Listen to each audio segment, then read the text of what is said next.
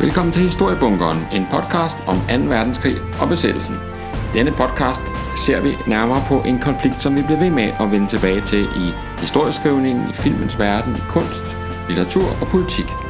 Vi er ikke bange for at være nørdet her i bunkeren, og vi er heller ikke bange for den brede formidling, hvis det skal være. Der er højt til loftet, og sådan skal det være, når man interesserer sig for 2. verdenskrig og besættelsen. Hvis du har lyst, er du meget velkommen til at give programmet en bedømmelse, der hvor du lytter til din podcast, og du er meget velkommen til at like Historiebunkerens side på Facebook, eller melde dig ind i Facebook-gruppen samme sted. Bare søg på Historiebunkeren, så finder du den. Jeg hedder Jakob Tørnsen, og jeg er jeres vært her i Bunkeren, og lad os så komme i gang.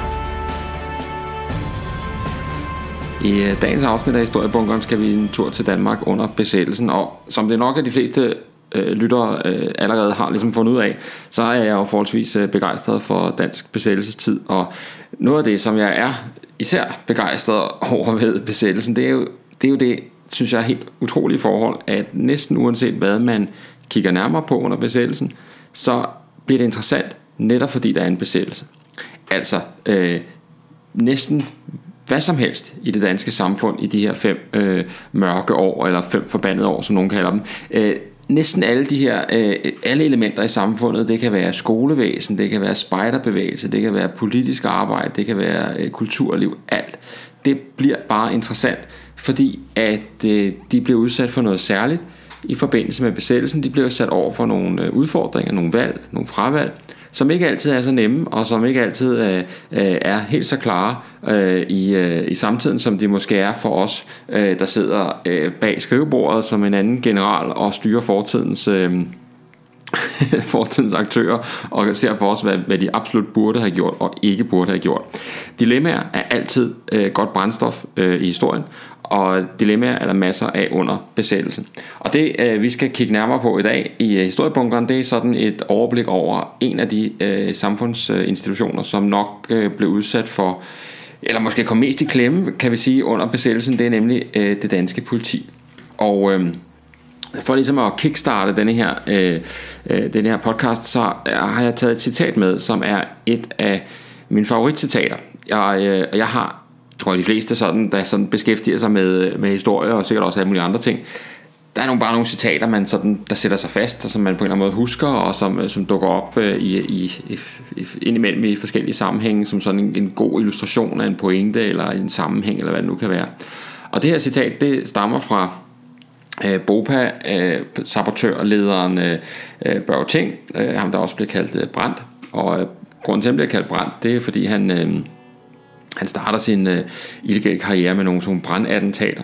Og, øh, og Børge Ting, han har, øh, han har skrevet øh, ikke så lang tid efter krigen sine sådan erindringer og, øh, om, om hans sådan, illegale tilværelse. Og der øh, nævner han sådan en af de aller, aller tidlige aktioner, han er ude på. Og det er netop øh, en aktion, hvor de vil sætte ild til en, øh, en forretning, der var ejet af en øh, nazist. Og så... Øh, kaster de, eller de sælger til den her øh, forretning, og de bliver sådan lidt overrasket over og chokeret nærmest over den her øh, lidt voldsomme øh, brandudvikling, der er, og så, øh, så er der en betjent, øh, der ankommer til stedet, og, øh, og betjenten råber den anden, og, øh, og, øh, og, så, og så kommer det her citat her, som er fra hans erindring her, og så siger han så, den angst, jeg ubevidst følte, det var vel den, som griber den almindelige borger, når han pludselig ser sig i konflikt med politiet, og aner hele sin fremtid styrte sammen og ser for sig udstødelsen af samfundet og andre menneskers foragt.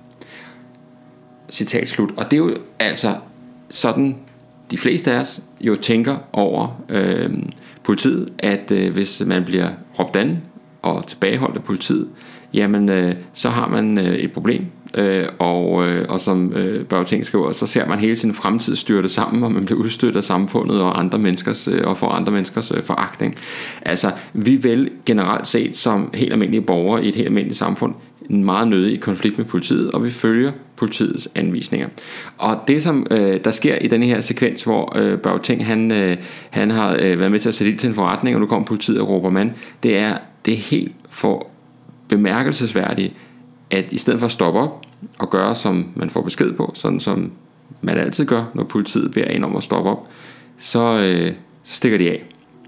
De løber, og de øh, undgår øh, at komme i politiets varetægt, de undgår at se deres fremtid styrt sammen, og de undgår at blive udstødt af samfundet, og de undgår andre menneskers foragt.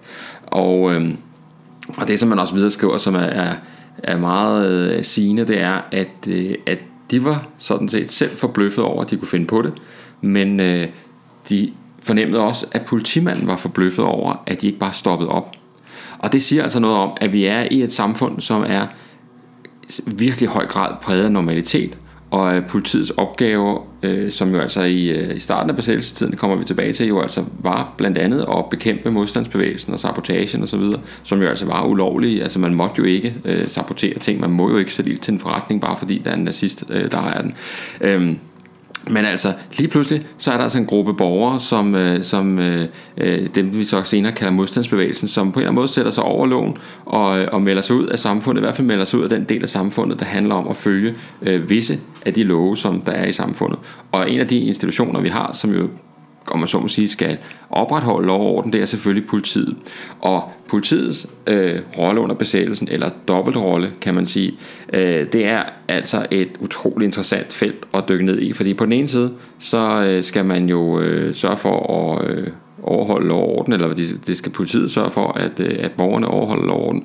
På den anden side, så øh, bliver øh, tingene jo også, som besættelsen skrider frem, øh, jo ikke helt så øh, sort-hvide, som de måske var engang, og det at øh, sørge for, at borgerne overret, øh, opretholder lov og orden, det indebærer jo altså pludselig, at man øh, kommer i konflikt med modstandsbevægelsen på et tidspunkt, hvor man måske nok godt kan se, at, øh, at modstandsbevægelsen på mange måder jo altså repræsenterer, om man så må sige, det rigtige standpunkt, i hvert fald i en vis, sammen, vis forståelse. Så øh, politiets historie, øh, den er interessant, og øh, det er den, vi dykker ned i øh, i dag. Allerede øh, 9. April 1940 kan man sige, der bliver fundamentet jo lagt til denne her øh, besønderlige øh, øh, situation, som dansk politi øh, havner i, nemlig øh, ved at øh, regeringen øh, beslutter sig for at indgå i et øh, samarbejde med den tyske besættelsesmagt, og man laver en samarbejdsregering og udvider den osv., og allerede dagen efter, altså 10. april 1940, der øh, bliver øh, politichef øh, Ejgil Tune Jacobsen øh, sat over for nogle repræsentanter for besættelsesmagten, og, øh, og her bliver det sådan øh, forhandlet frem og tilbage, at øh, ro og orden, det er øh, et dansk anlæggende, og det er politiets ansvar. Altså øh, et, et blandt mange, mange eksempler under besættelsen på, at det er danske myndigheder, der jo i virkelig øh, vid udstrækning står for at øh, hvad skal man sige, holde styr på, øh, på tingene herhjemme under, øh, under krigen. Så øh, øh, ordenspoliti, kriminalpoliti, politiets efterretningstjeneste osv. bliver altså, øh, om man så må sige, øh, sat til at, øh, at bestride det her øh, specielle erhverv med at holde ro og orden i et øh, besat land, og dermed jo, som tiden skrider frem, i mange menneskers øjne øh, kommer til at være en slags, øh, nogle gange direkte håndlanger for, øh, for tyskerne. Og øh, Politiets samarbejde var jo længere end politikernes. Øh, politikerne øh, siger jo fra øh, den 28. august 1943, og dagen efter har vi jo de her dramatiske begivenheder, vi mindes 29. august. Og øh, politiet de øh, får altså lov til at hænge i øh, lidt over et år længere, og, og deres... Kan man sige, samarbejdet stopper ganske dramatisk øh, den 19. september 1944, Operation Møve, som det hedder, altså hvor øh, tyskerne internerer øh, en del af det danske politi og sender dem i koncentrationslejre. Men nu øh, foregriber vi jo øh, begivenhedernes gang, og, øh, og øh, lad os komme tilbage til, øh, hvad skal man sige, øh, politiets øh, særlige rolle under øh, besættelsen. Set helt overordnet, så øh, bliver den danske politistyrke voldsomt forøget under besættelsen. Man går fra at have et øh, ordenspoliti på knap 3.000 mand, og så vokser det til øh, øh, ja, lige knap 8.000 mand, øh, inklusiv en hel del, næsten 3.000, det man der kalder reservepolitibetjente, altså sådan noget ekstra mandskab, der bliver kaldt ind.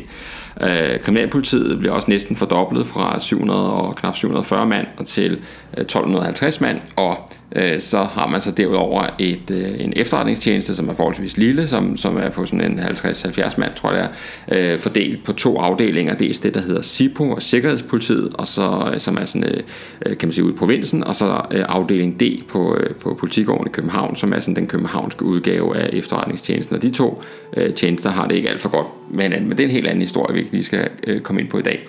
Øh, og derudover er der så et øh, civilbeskyttelsesmandskab på omkring øh, 6.000 mand, som øh, fra april 40 bliver øh, indkaldt og er med til at... Øh, og, og kunne yde bistand i tilfælde af, af forskellige sådan uh, civilbeskyttelsesopgaver. Altså det kunne være uh, for eksempel luftangreb eller andet, som, hvor det kræver en ekstra uh, politiindsats og, uh, og holde ro og orden.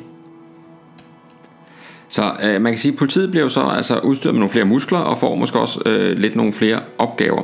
Øh, der er jo øh, er hvis uro i gaderne, må vi sige, i øh, især de større byer, og, øh, og politiets sådan uh, balancegang uh, skal også ses i forhold til det. Der er en uh, eksempelvis en uh, ulovligt, uh, ulovlig sådan, altså en ikke uh, hvad skal man sige, godkendt uh, demonstration, som blev gennemført af de danske nazister i DNSAP, altså det danske nazistparti i København den 2. juli 1940. Der er jo forbud med at sammenstemmelse her i starten af besættelsen, hvor man jo ikke vil alt for mange mennesker sammen. Man er jo lidt bekymret for, om det kan føre sådan til uroligheder. Men uh, det er nazisterne altså ligeglade med, at de gennemfører den her ulovlige øh, demonstration.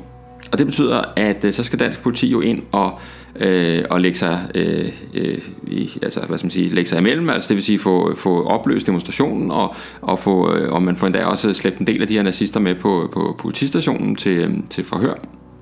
Og det er jo sådan et virkelig godt eksempel på, at her skal man jo gå på en balancegang, fordi på den ene side, så repræsenterer man jo øh, dansk lov og lovgivning, og man har en aftale med tyskerne om, at man skal, øh, at øh, det er ligesom det ansvar, man nogle gange har, det skal man udøve. På den anden side, så har man jo altså sådan et dansk nazistparti, som man jo øh, nok godt kan forestille sig, selvom man øh, ikke er nogen kender af international politik, jo altså har en del med tyskerne at gøre, i hvert fald øh, jo nok øh, ligger, hvad skal man sige, øh, sådan holdningsmæssigt øh, ganske tæt op af dem. Og det vil sige, øh, der kan dansk politi jo meget nemt komme til at, øh, at øh, øh, blive set som antityske, hvis, øh, hvis de går øh, for hårdhændet frem mod de danske nazister. Omvendt, så er de jo nødt til at opretholde lov og orden. Altså et klar, klokkeklart øh, dilemma, men altså politiet tager dem altså de her, i det her tilfælde nazisterne med på, øh, på, øh, på stationen og får, for opløst øh, demonstrationen, men det, det siger noget om, at der, der er altså i mange af de her, hvor det så også bliver blandet noget politik ind i det, der er potentiale for en, øh, en øh, mulig krise i øh, forholdet til øh, besættelsesmagten.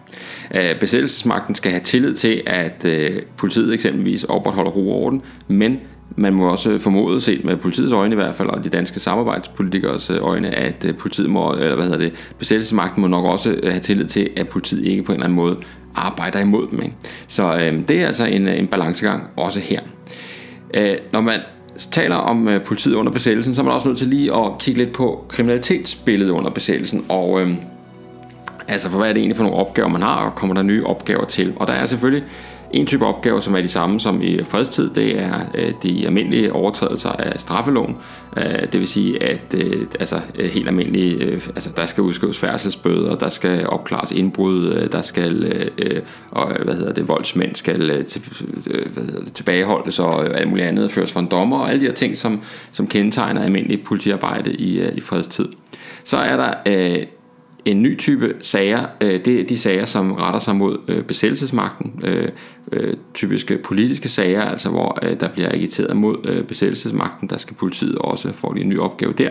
Igen en balancegang, der skal øh, man skal bevæge sig på. Og så øh, så er der en øh, anden type øh, kriminalitet, som dukker op, nemlig den øh, del af kriminaliteten, som er ulovlig følge tysk krigsret, altså som ikke nødvendigvis har noget med dansk straffelov at gøre, men som på en eller anden måde falder ind under øh, tysk øh, jurisdiktion, og derfor øh, øh, kan, øh, hvad hedder det, hvor tyskerne så kan gå ind og sige, at det er en sag, vi skal øh, dømme i, fordi det øh, omhandler vores, øh, vores forhold.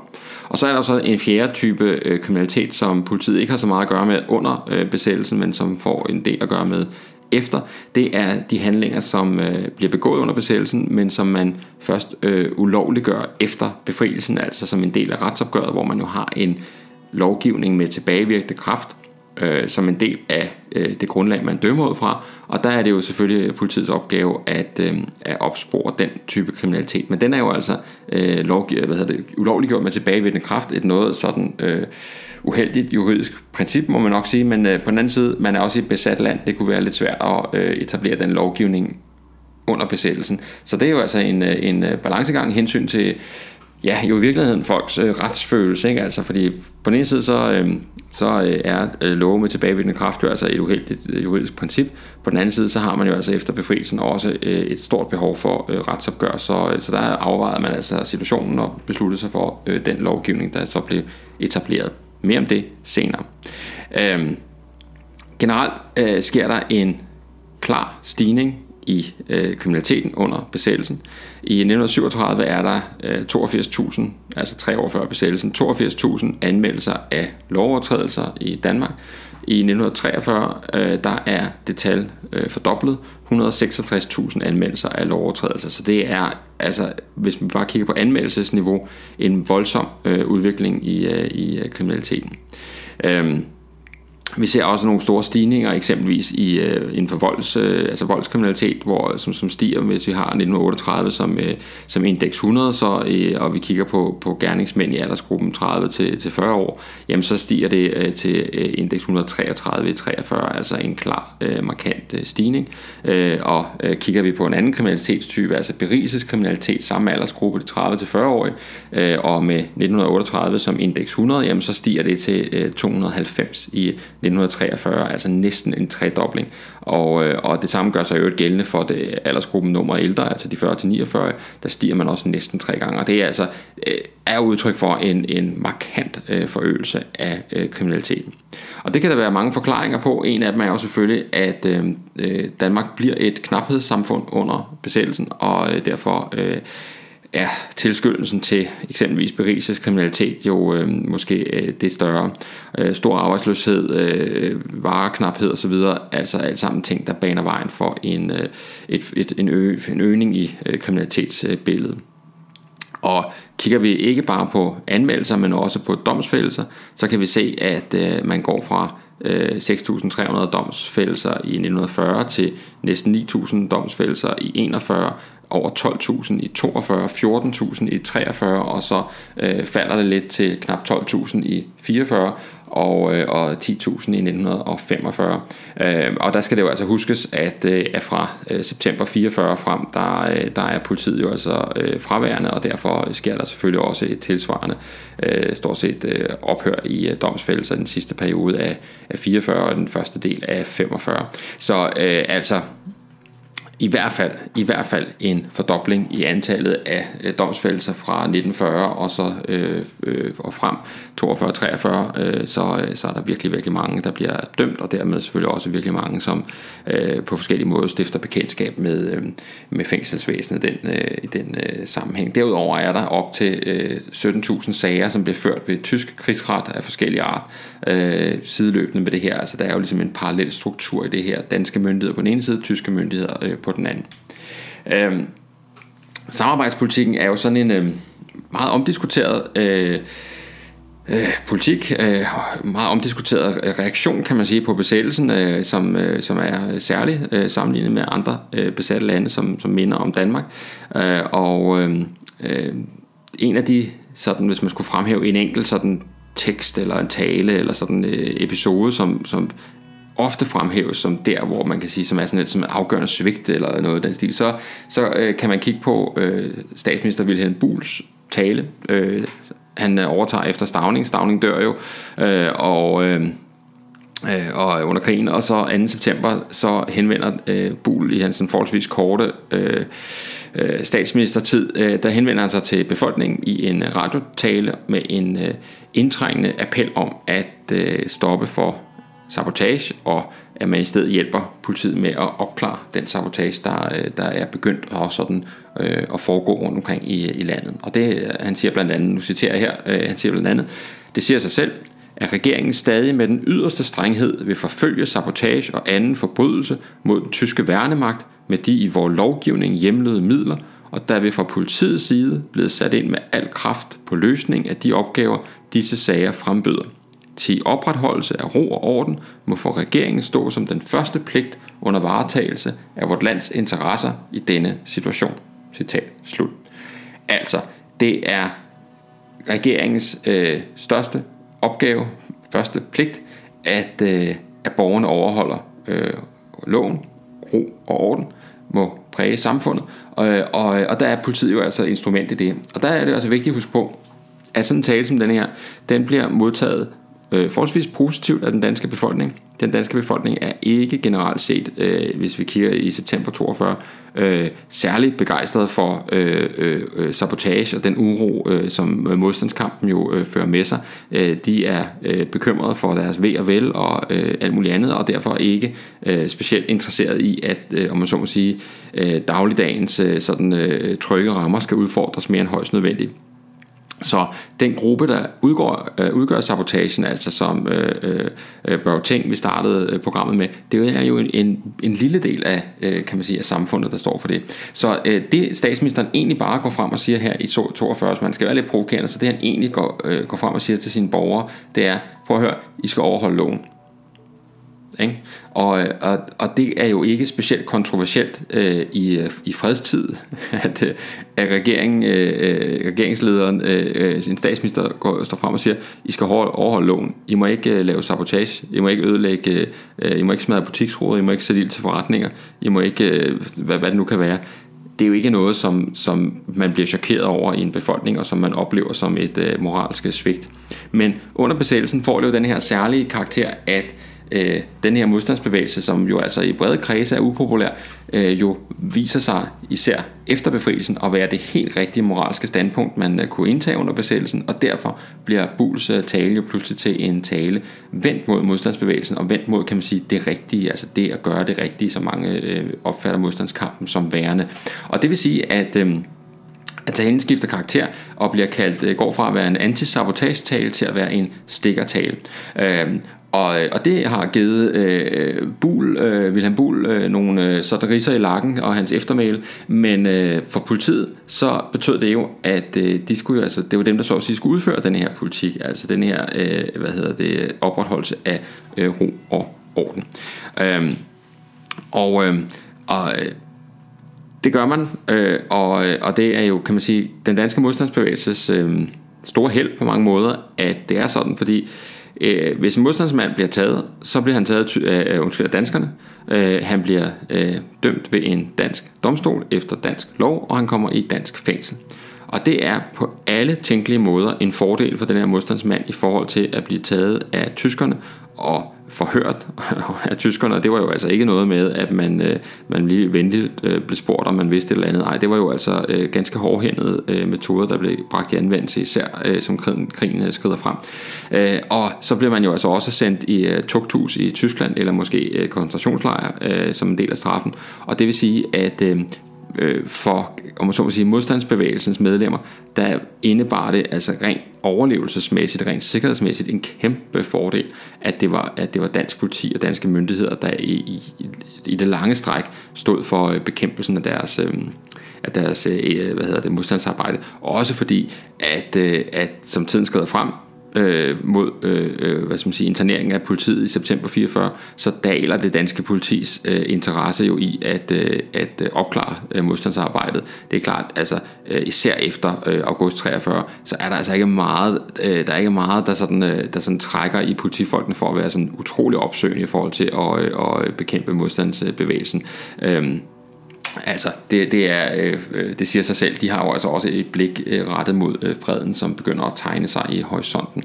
Øh, og så er, er der altså også en anden udfordring, at, øh, at hvad hedder det... Øh, øh, Ja, altså at tyskerne begynder at øh, op, øh, opruste deres øh, politimæssige tilstedeværelse i Danmark i den her periode, og, og begynder at, øhm, at sende flere og flere øh, politienheder, Gestapo og muligt andet øh, til landet for at øh, og sådan øh, parallelt med, med det danske politi og, og stå for især bekæmpelsen af, af modstandsbevægelsens arbejde. Så, øh, så man får altså sådan en slags, øh, øh, hvad skal vi kalde det, øh, ja, altså man får sådan et dobbelt, et dobbelt politisystem i Danmark, som, øh, som selvfølgelig besværliggør, øh, besværliggør arbejdet. Øh, Tyskernes store spørgsmål var selvfølgelig, om de kunne stole øh, på dansk politi. Det spørgsmål blev mere og mere præsent, som tiden gik. Øhm, det danske politi var jo, som jeg startede med at sige, omfangsrigt. Der var mange, øh, der var mange politifolk. En del af det var også bevæbnet, fordi de skulle kunne klare og håndtere eventuelle øh, demonstrationer og andet, der løber løbsk og sådan. Ikke? Så, så der var også en del våben øh, i, i politiets rækker.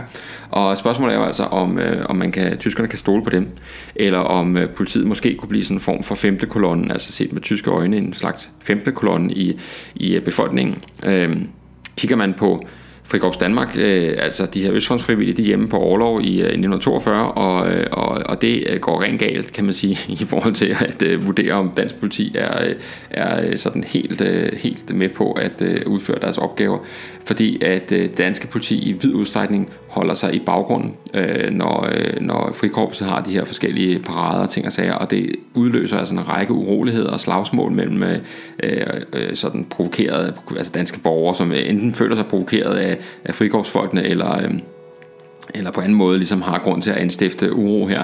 Og, og, og der er politiet altså forholdsvis øh, meget baggrund, og det vil sige, at, øh, at man kan jo godt med rette stille spørgsmålstegn ved, fra tysk side i hvert fald, om dansk politi nu også øh, i en mere skarp situation øh, kunne finde på at vende våbne øh, den anden vej, om man så må sige. Så, øh, og, og kigger vi også på, øh, på øh, strækkerne hen over sommeren 43, altså det, det som øh, nogen kalder augustoprøret, altså de uroligheder, som udspiller sig rundt omkring i landet, øh, også her er politiet forholdsvis, øh, forholdsvis øh, lidt med, om man så må sige. Så, øh, så der er en begyndende øh, mistillid fra øh, tysk side i forhold til, hvad, hvad dansk politi kunne, øh, kunne, øh, kan bidrage med i en skarp situation. Med øh, samarbejdspolitikens fald øh, i august 43, så øh, kan man sige, så øh, forsvinder øh, regeringen, og øh, dagen efter, altså 29. august, der rykker tyskerne ud og afvæbner hæren og flåden, men ikke politiet. Altså politiet får lov til at øh, fortsætte, og, øh, og derefter så, øh, så følger der en lang øh, øh, forhandling mellem øh, øh, tyskerne på den ene side, og så de her nye, øh, kan man sige, dem der nu skal til at bestemme i Danmark, det er jo det, vi kalder departementcheferne, altså det vil sige den øverste civile myndighed i ministerierne, departementchefen, øh, overtager ligesom ministerens arbejde, altså den tidligere Øh, politisk valgte, folkevalgte øh, øh, minister. Nu er det altså, kan man sige, en, øh, en embedsmand, som, øh, som står for det, og så er øh, de gamle politikere sådan lidt i kulissen og holder lidt øje der. Men det er altså departementschefen, der, der så at sige, driver butikken videre øh, resten af besættelsen.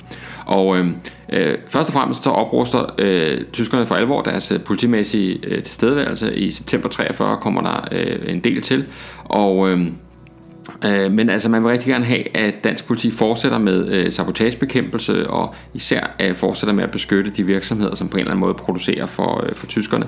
Og det er jo fordi, at, øh, at tyskerne er ikke speci- altså blandt andet er det fordi tyskerne altså ikke er så interesserede i at binde alt for mange personer i Danmark. Altså de har et en udtalt mandskabsmangel, og, øh, og hvis man kan spare nogle sådan politistyrker af forskellige art øh, og frigøre dem, og så de kan være soldater i stedet for, så foretrækker man jo det. Samtidig så kan man lokke øh, danskerne med, at øh, det her, som jo er en kæmpe fordel, at, øh, at øh, danske domstol øh, og, og det hele danske straffesystem, straffesystem kan fortsætte. Altså at det stadigvæk er, øh, kan man sige... Øh, som nogen lidt provokerende siger, at, at modstand, altså Danmark fik en modstandsbevægelse sådan til halv, for halv pris, ikke? Altså fordi man, man, de, de risikerede altså ikke helt, helt de samme øh, straffe, i hvert fald ikke i en, i en stor del af besættelsen, som man gjorde i andre øh, besatte lande. Så, øh, så det er altså øh, det er en fordel for danskerne, og så er der altså også den her fordel, som ligger og lurer i, øh, hos politikerne i øh, kulissen, nemlig at øh, at øh, en del af en stor del af den meget aktive og, øh, og effektive modstandsbevægelse, den er jo altså kommunistisk øh, domineret. Og øh, det var man ikke specielt interesseret i. Øh, altså øh, alt for mange bevæbnede kommunister, det er ikke godt nyt øh, for nogen. Øh, og, øh, og derfor ser man rigtig gerne, at, øh, at dansk politi i, i hvert fald i en periode øh, kan fortsætte med at, øh, at øh, så at sige, dæmpe øh, den her kommunistiske øh, modstandskamp. Men øh, det stopper jo alt sammen øh, igen øh, den 19. september 44 kl. 11, hvor øh, i under ly af en falsk luftalarm, så øh, rykker tyskerne ud og, øh, og øh, internerer dansk politi, eller i hvert fald hovedparten, øh, eller en, en, en stor del af det, altså øh, 200 eller 2000, undskyld, 2000 øh, øh, ordenspolitifolk bliver øh, først og fremmest øh, samlet sammen, og øh, og øh, resten af, af styrken bliver opløst eller går under jorden, og enkelte for, bliver sådan øh, forsøgt at fastholde i forskellige arbejdsfunktioner, men altså, øh, man kan sige, øh, korpset øh, falder fra hinanden. Øh, de her 2.000 øh, politifolk bliver øh, øh, samlet ind, øh, bliver øh, sat ombord på et skib i havnen, Københavns Havn, og sejlet til Tyskland, hvor de skal i, øh, hvad hedder det, øh, interneres i, øh, i lejr. Og, øh, og øh, det vil sige, at de kommer i øh, koncentrationslejr, øh, fordi at de er dansk politi. Øh, I mellemtiden så havde man sådan en eller anden drøm om, at, øh, at øh, hjemme i Danmark, altså der havde det, det, det der hedder, den, ham der hedder øh, Günther Panke, som har den fantastiske titel, nemlig, som er højere SS og politifører. Günther Panke, han har sådan en plan om, at øh, politiet, det resterende politi kan omorganiseres og, øh, og komme under tysk kontrol, men øh, det er der meget, meget lidt opbakning for øh, hos nogen, og øh, og derfor ender det med, at, øh, at den plan øh, falder til vasken. Øh, så øh, der er kun øh, lidt administrativt og personale tilbage, så den stort set er, er dansk politi. Den styrke, der kommer til øh, Tyskland, og kommer i koncentrationslejre, de kommer bliver fordelt øh, primært øh, i Neuengamme og så videre til Stutthof og Buchenwald. Øh, og øh, og her øh, bliver de altså øh, hvad skal man sige, interneret resten af krigen, eller det vil sige øh, i øh, december øh, 44 bliver en mindre gruppe af dem, 200 af dem, øh, øh, får lov at vende hjem til Danmark øh, på grund af sygdom, og, øh, og resten af styrken, øh, øh stort set resten af styrken, øh, kommer hjem i de sidste krigsmåneder som en del af evakueringen af de her øh, hvide busser. Øh, 90 politifolk dør, øh, enten i lejrene eller som direkte følge af deres øh, ophold dernede. I, øh, og her kan man sige, øh, spiller samarbejdspolitikken igen ind øh, på, øh, på politifolkenes situation, fordi at øh, som fanger fra Danmark, så øh, har øh, politifolkene på samme måde som øh, andre fanger fra Danmark øh, nogle særlige fordele øh, sammenlignet med andre nationaliteter, og øh, øh en af dem er, at de har adgang til en rød korspakker, altså det vil sige, at de har mulighed for at få tilsendt øh, pakker fra Danmark, øh, altså Røde Korspakker, som indeholder fødevarer og øh, forskellige fornødenheder, medicin, øh, nåle til at til at reparere tøjet, altså sygtøj til at reparere tøj med, og, og øh, vitaminpiller og den slags, øh, som, som kan, øh, øh, som, som i allerhøjeste grad er øh, tiltrængt, når man sidder i en øh, koncentrationslejr, og som jo er helt afgørende øh, forbedrer de her menneskers mulighed for at overleve det her møde med, øh, med den del af øh, nazismens øh, øh system. Så øhm, øh, øh det at kunne få adgang til Røde Korsparkerne, det er altså en, øh, en, øh, kan man sige, en udløber af, direkte udløber af, at øh, Danmark har en særlig øh, relation til Tyskland på grund af samarbejdspolitikken og det særlige besættelsesforhold, øh, og det gavner altså øh, de danske borgers mulighed for at klare sig i, øh, i, de, her, øh, i de her lejre, mens de er, øh, mens de er afsted. Øh, hjemme i Danmark, der træder man ind i en øh, periode, som er øh, helt bemærkelsesværdig, øh, sådan set øh, i Danmarks historien og, og, og måske også internationalt, nemlig af det, vi kalder den politiløse tid. Altså at man fra september 44 og frem til efter befrielsen ikke har noget politi. Øh, der er ikke nogen til at øh, øh, opklare almindelig kriminalitet. Der er ikke nogen til at øh, og, øh, hvad hedder det, sørge for ro og orden på gader og stræder osv.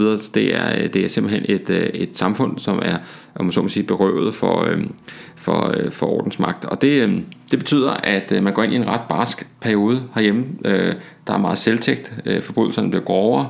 Øh, øh, presset på, kan man sige, folk bliver større.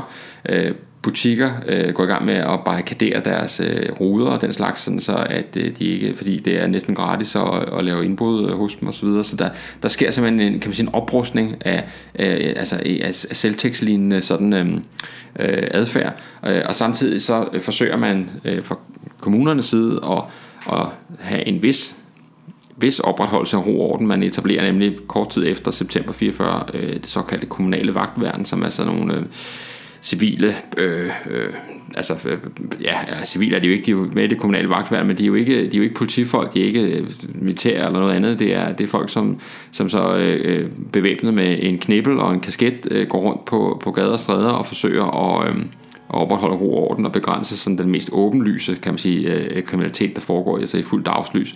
Og øh, og det er altså med en blandet succes, fordi at de, de har jo altså ikke den store autoritet, de har i de store magtmidler sammenlignet med, øh, med almindelig politi, så sådan noget som sortbørshandel og andre ting foregår stadigvæk i, øh, i, øh, i, fuld, i fuld offentlighed.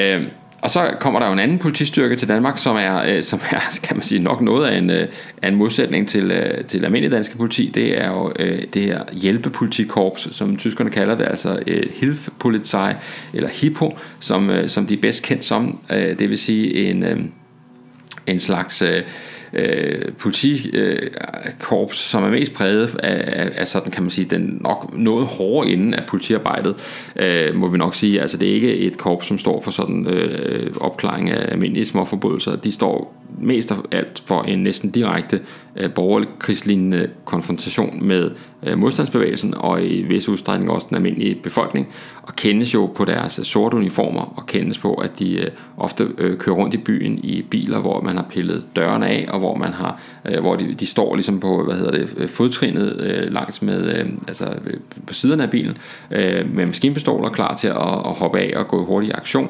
øh, og, og Hippo bliver øh, sammen med Schalburg-korpset absolut forhat korps øh, og, øh, og en, en, altså kan man sige, en, en forhat type i, i, øh, i samfundet. Øh, og er vel også jo den dag i dag måske det værste skældsord, man kan råbe efter dansk, en dansk politimand, hvis man ellers skulle føle sig øh, øh, sådan øh, øh, kaldet til at gøre det. Øh, fordi det, det er øh, altså, hvad, hvad skal man sige, det er et af de helt sådan sorte kapitler under besættelsen, at, vi, øh, at man havde de her, øh, det her korps til at, øh, at køre rundt og sprede skræk og advarsel. Øh, at der opstår sådan en borgerkrigslignende øh, situation, det er, det er ret øh, velkendt og ret godt beskrevet øh, i, øh, i BOPA-sammenhæng. Der, øh, for eksempel, der, der øh, øh, BOPA var jo ikke den organisation, som, som udførte flest likvideringer. Det var, det var jo først og fremmest Holger Danske, men der blev dog udført en del. Øh, og, øh, og der var jo øh, nogle gange, altså sådan noget skulle man jo lige tale om, hvem, hvem, hvem går vi efter, har vi nogle efterretninger og det ene og andet.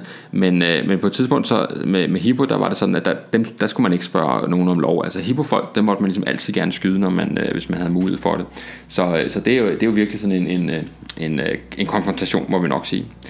Øh, samtidig så øh, kommer der jo så øh, en del af det her øh, øh, danske politistyrker, som ikke blev interneret, og det er jo, er jo i vid udstrækning for eksempel kriminalpolitiet, de går under jorden, mange af dem, og under ledelse af en, øh, en af dem, der hedder H.C. Andersen, øh, så, øh, så går de i gang med at øh, bistå øh, modstandsbevægelsen ved at, at lave sådan klassisk politiarbejde, indsamle oplysninger om øh, værnemager og andre, som på forskellige måder øh, kunne komme i søgelyset til øh, det retsopgør, som jo begynder at nærme sig med, med stormskridt. Og der, der øh, går det her illegale kriminalpoliti altså ind i arbejdet med at få øh, samlet de her oplysninger sammen, som så kan bruges øh, til et, øh, et retsopgør på den anden side af øh, en befrielse. Øh, som nævnt så øh, kommer øh, øh, hovedparten af politifolkene hjem med de hvide busser, den her redningsaktion, som vi måske kan komme ind på i en anden god gang, men altså som vil være sådan en, en helt unik øh, øh, øh operation i, i det her store holocaust-kompleks øh, øh af, af, af vanvittige, øh, forfærdelige begivenheder, så er der jo altså en, øh, øh, en redningsaktion, som, som på sådan øh, skandinavisk initiativ øh, af forskellige omveje øh, gør, at, øh, at øh, danske og norske og fanger øh, kan, øh, kan få lov til at komme øh, blive hentet og køre til Sverige øh, i krigens sidste måneder, og det betyder jo altså, at øh, de slipper for at være i de her koncentrationslejre øh, i øh, der, hvor kan man sige hele systemet fuldstændig for alvor øh, sådan øh, kollapser. Så øh, ordenspolitiet øh, kommer hjem og, øh, og kan øh, nogle dage øh, efter øh, befrielsen træde i aktion igen, officielt fra den 13. maj 1945. Og, øh, og så står der jo faktisk bare tilbage en af de her sådan... Øh, øh, nye opgaver, som, øh, som politiet øh, bliver sat til, øh, som, øh, som nok ingen af dem øh, ønsker sig, øh, fordi som en del af retsopgøret, der øh, bliver afsagt øh, 101 øh, dødsdom, som, øh, som skal øh, hvad skal man sige, effektueres, og øh, det bliver øh, 46 af dem, øh, og det er politiets opgave at udføre Det vil sige, at øh, man primært på det nuværende Christiania, men også øh, ved en anden lokalitet over ved Viborg, der øh, har man altså en, øh, øh en henrettelsesplads. Man laver et øh, skydeskur, som det hedder, og, øh, og der øh, fra 5. januar 46, hvor øh, ham der hedder Flemming Helve Larsen, han blev henrettet som den første, og så frem til 20. juli 1950, hvor den sidste øh, bliver, af de dødsdømte bliver henrettet. Der er det altså dansk politi, som, øh, som øh, øh udfører selve henrettelsen ved, at de øh, står en gruppe politifolk og skyder de her, øh, de her dødsdømte. Øhm, Og det er jo klart, det er, øh, det er, ikke, det er jo ikke nogen drømmeopgave øh, for nogen, men altså endnu et eksempel på, øh, hvor, hvor meget, om man så må sige, dansk politi bliver øh, udsat for under besættelsen, altså fra øh, først at have ansvar for ro og orden i en sådan relativt rolig periode af besættelsen, men derfra, som modstandsbevægelsen øh, begynder at markere sig med flere og flere aktioner, så bliver øh, politiets indsats øh, moralsk mere og mere besværlig. Øh, og efter samarbejdspolitikens fald i august 43, så øh, er politiet sådan, på, på mange måder alene om ligesom at, at, at holde fast og holde ro og orden i det her samfund, sådan i hvert fald ude i den spidse ende. Og øh, til sidst så, øh, så gennemgår de jo altså den oplevelse at komme enten i koncentrationslejre eller i vid udstrækning tvunget under jorden og en illegalt arbejde, for så til sidst efter befrielsen at blive sat til at, at henrette de her dødsdømte. Så det er en turbulent historie, øh, må man sige, og øh, kunne man tænke sig at læse noget mere om politiet og perioden her, så øh, vil jeg godt lige komme med nogle øh, øh tre anbefalinger, øh, nemlig øh, Henrik Stevensborgs øh, sådan store øh, bog, der hedder Politiet 1938-47, som er sådan den store fremstilling af dansk politi i den her periode, som titlen jo øh, antyder, altså Politiet 1938-47, så øh, kan man læse om Hippokorpset og deres historie i Henrik Lundtoftes øh, fremragende bog øh, Håndlangerne, som er sådan en studie af denne her, øh, den her, øh, øh, det her hjælpepoliti, som tyskerne får, øh, får etableret.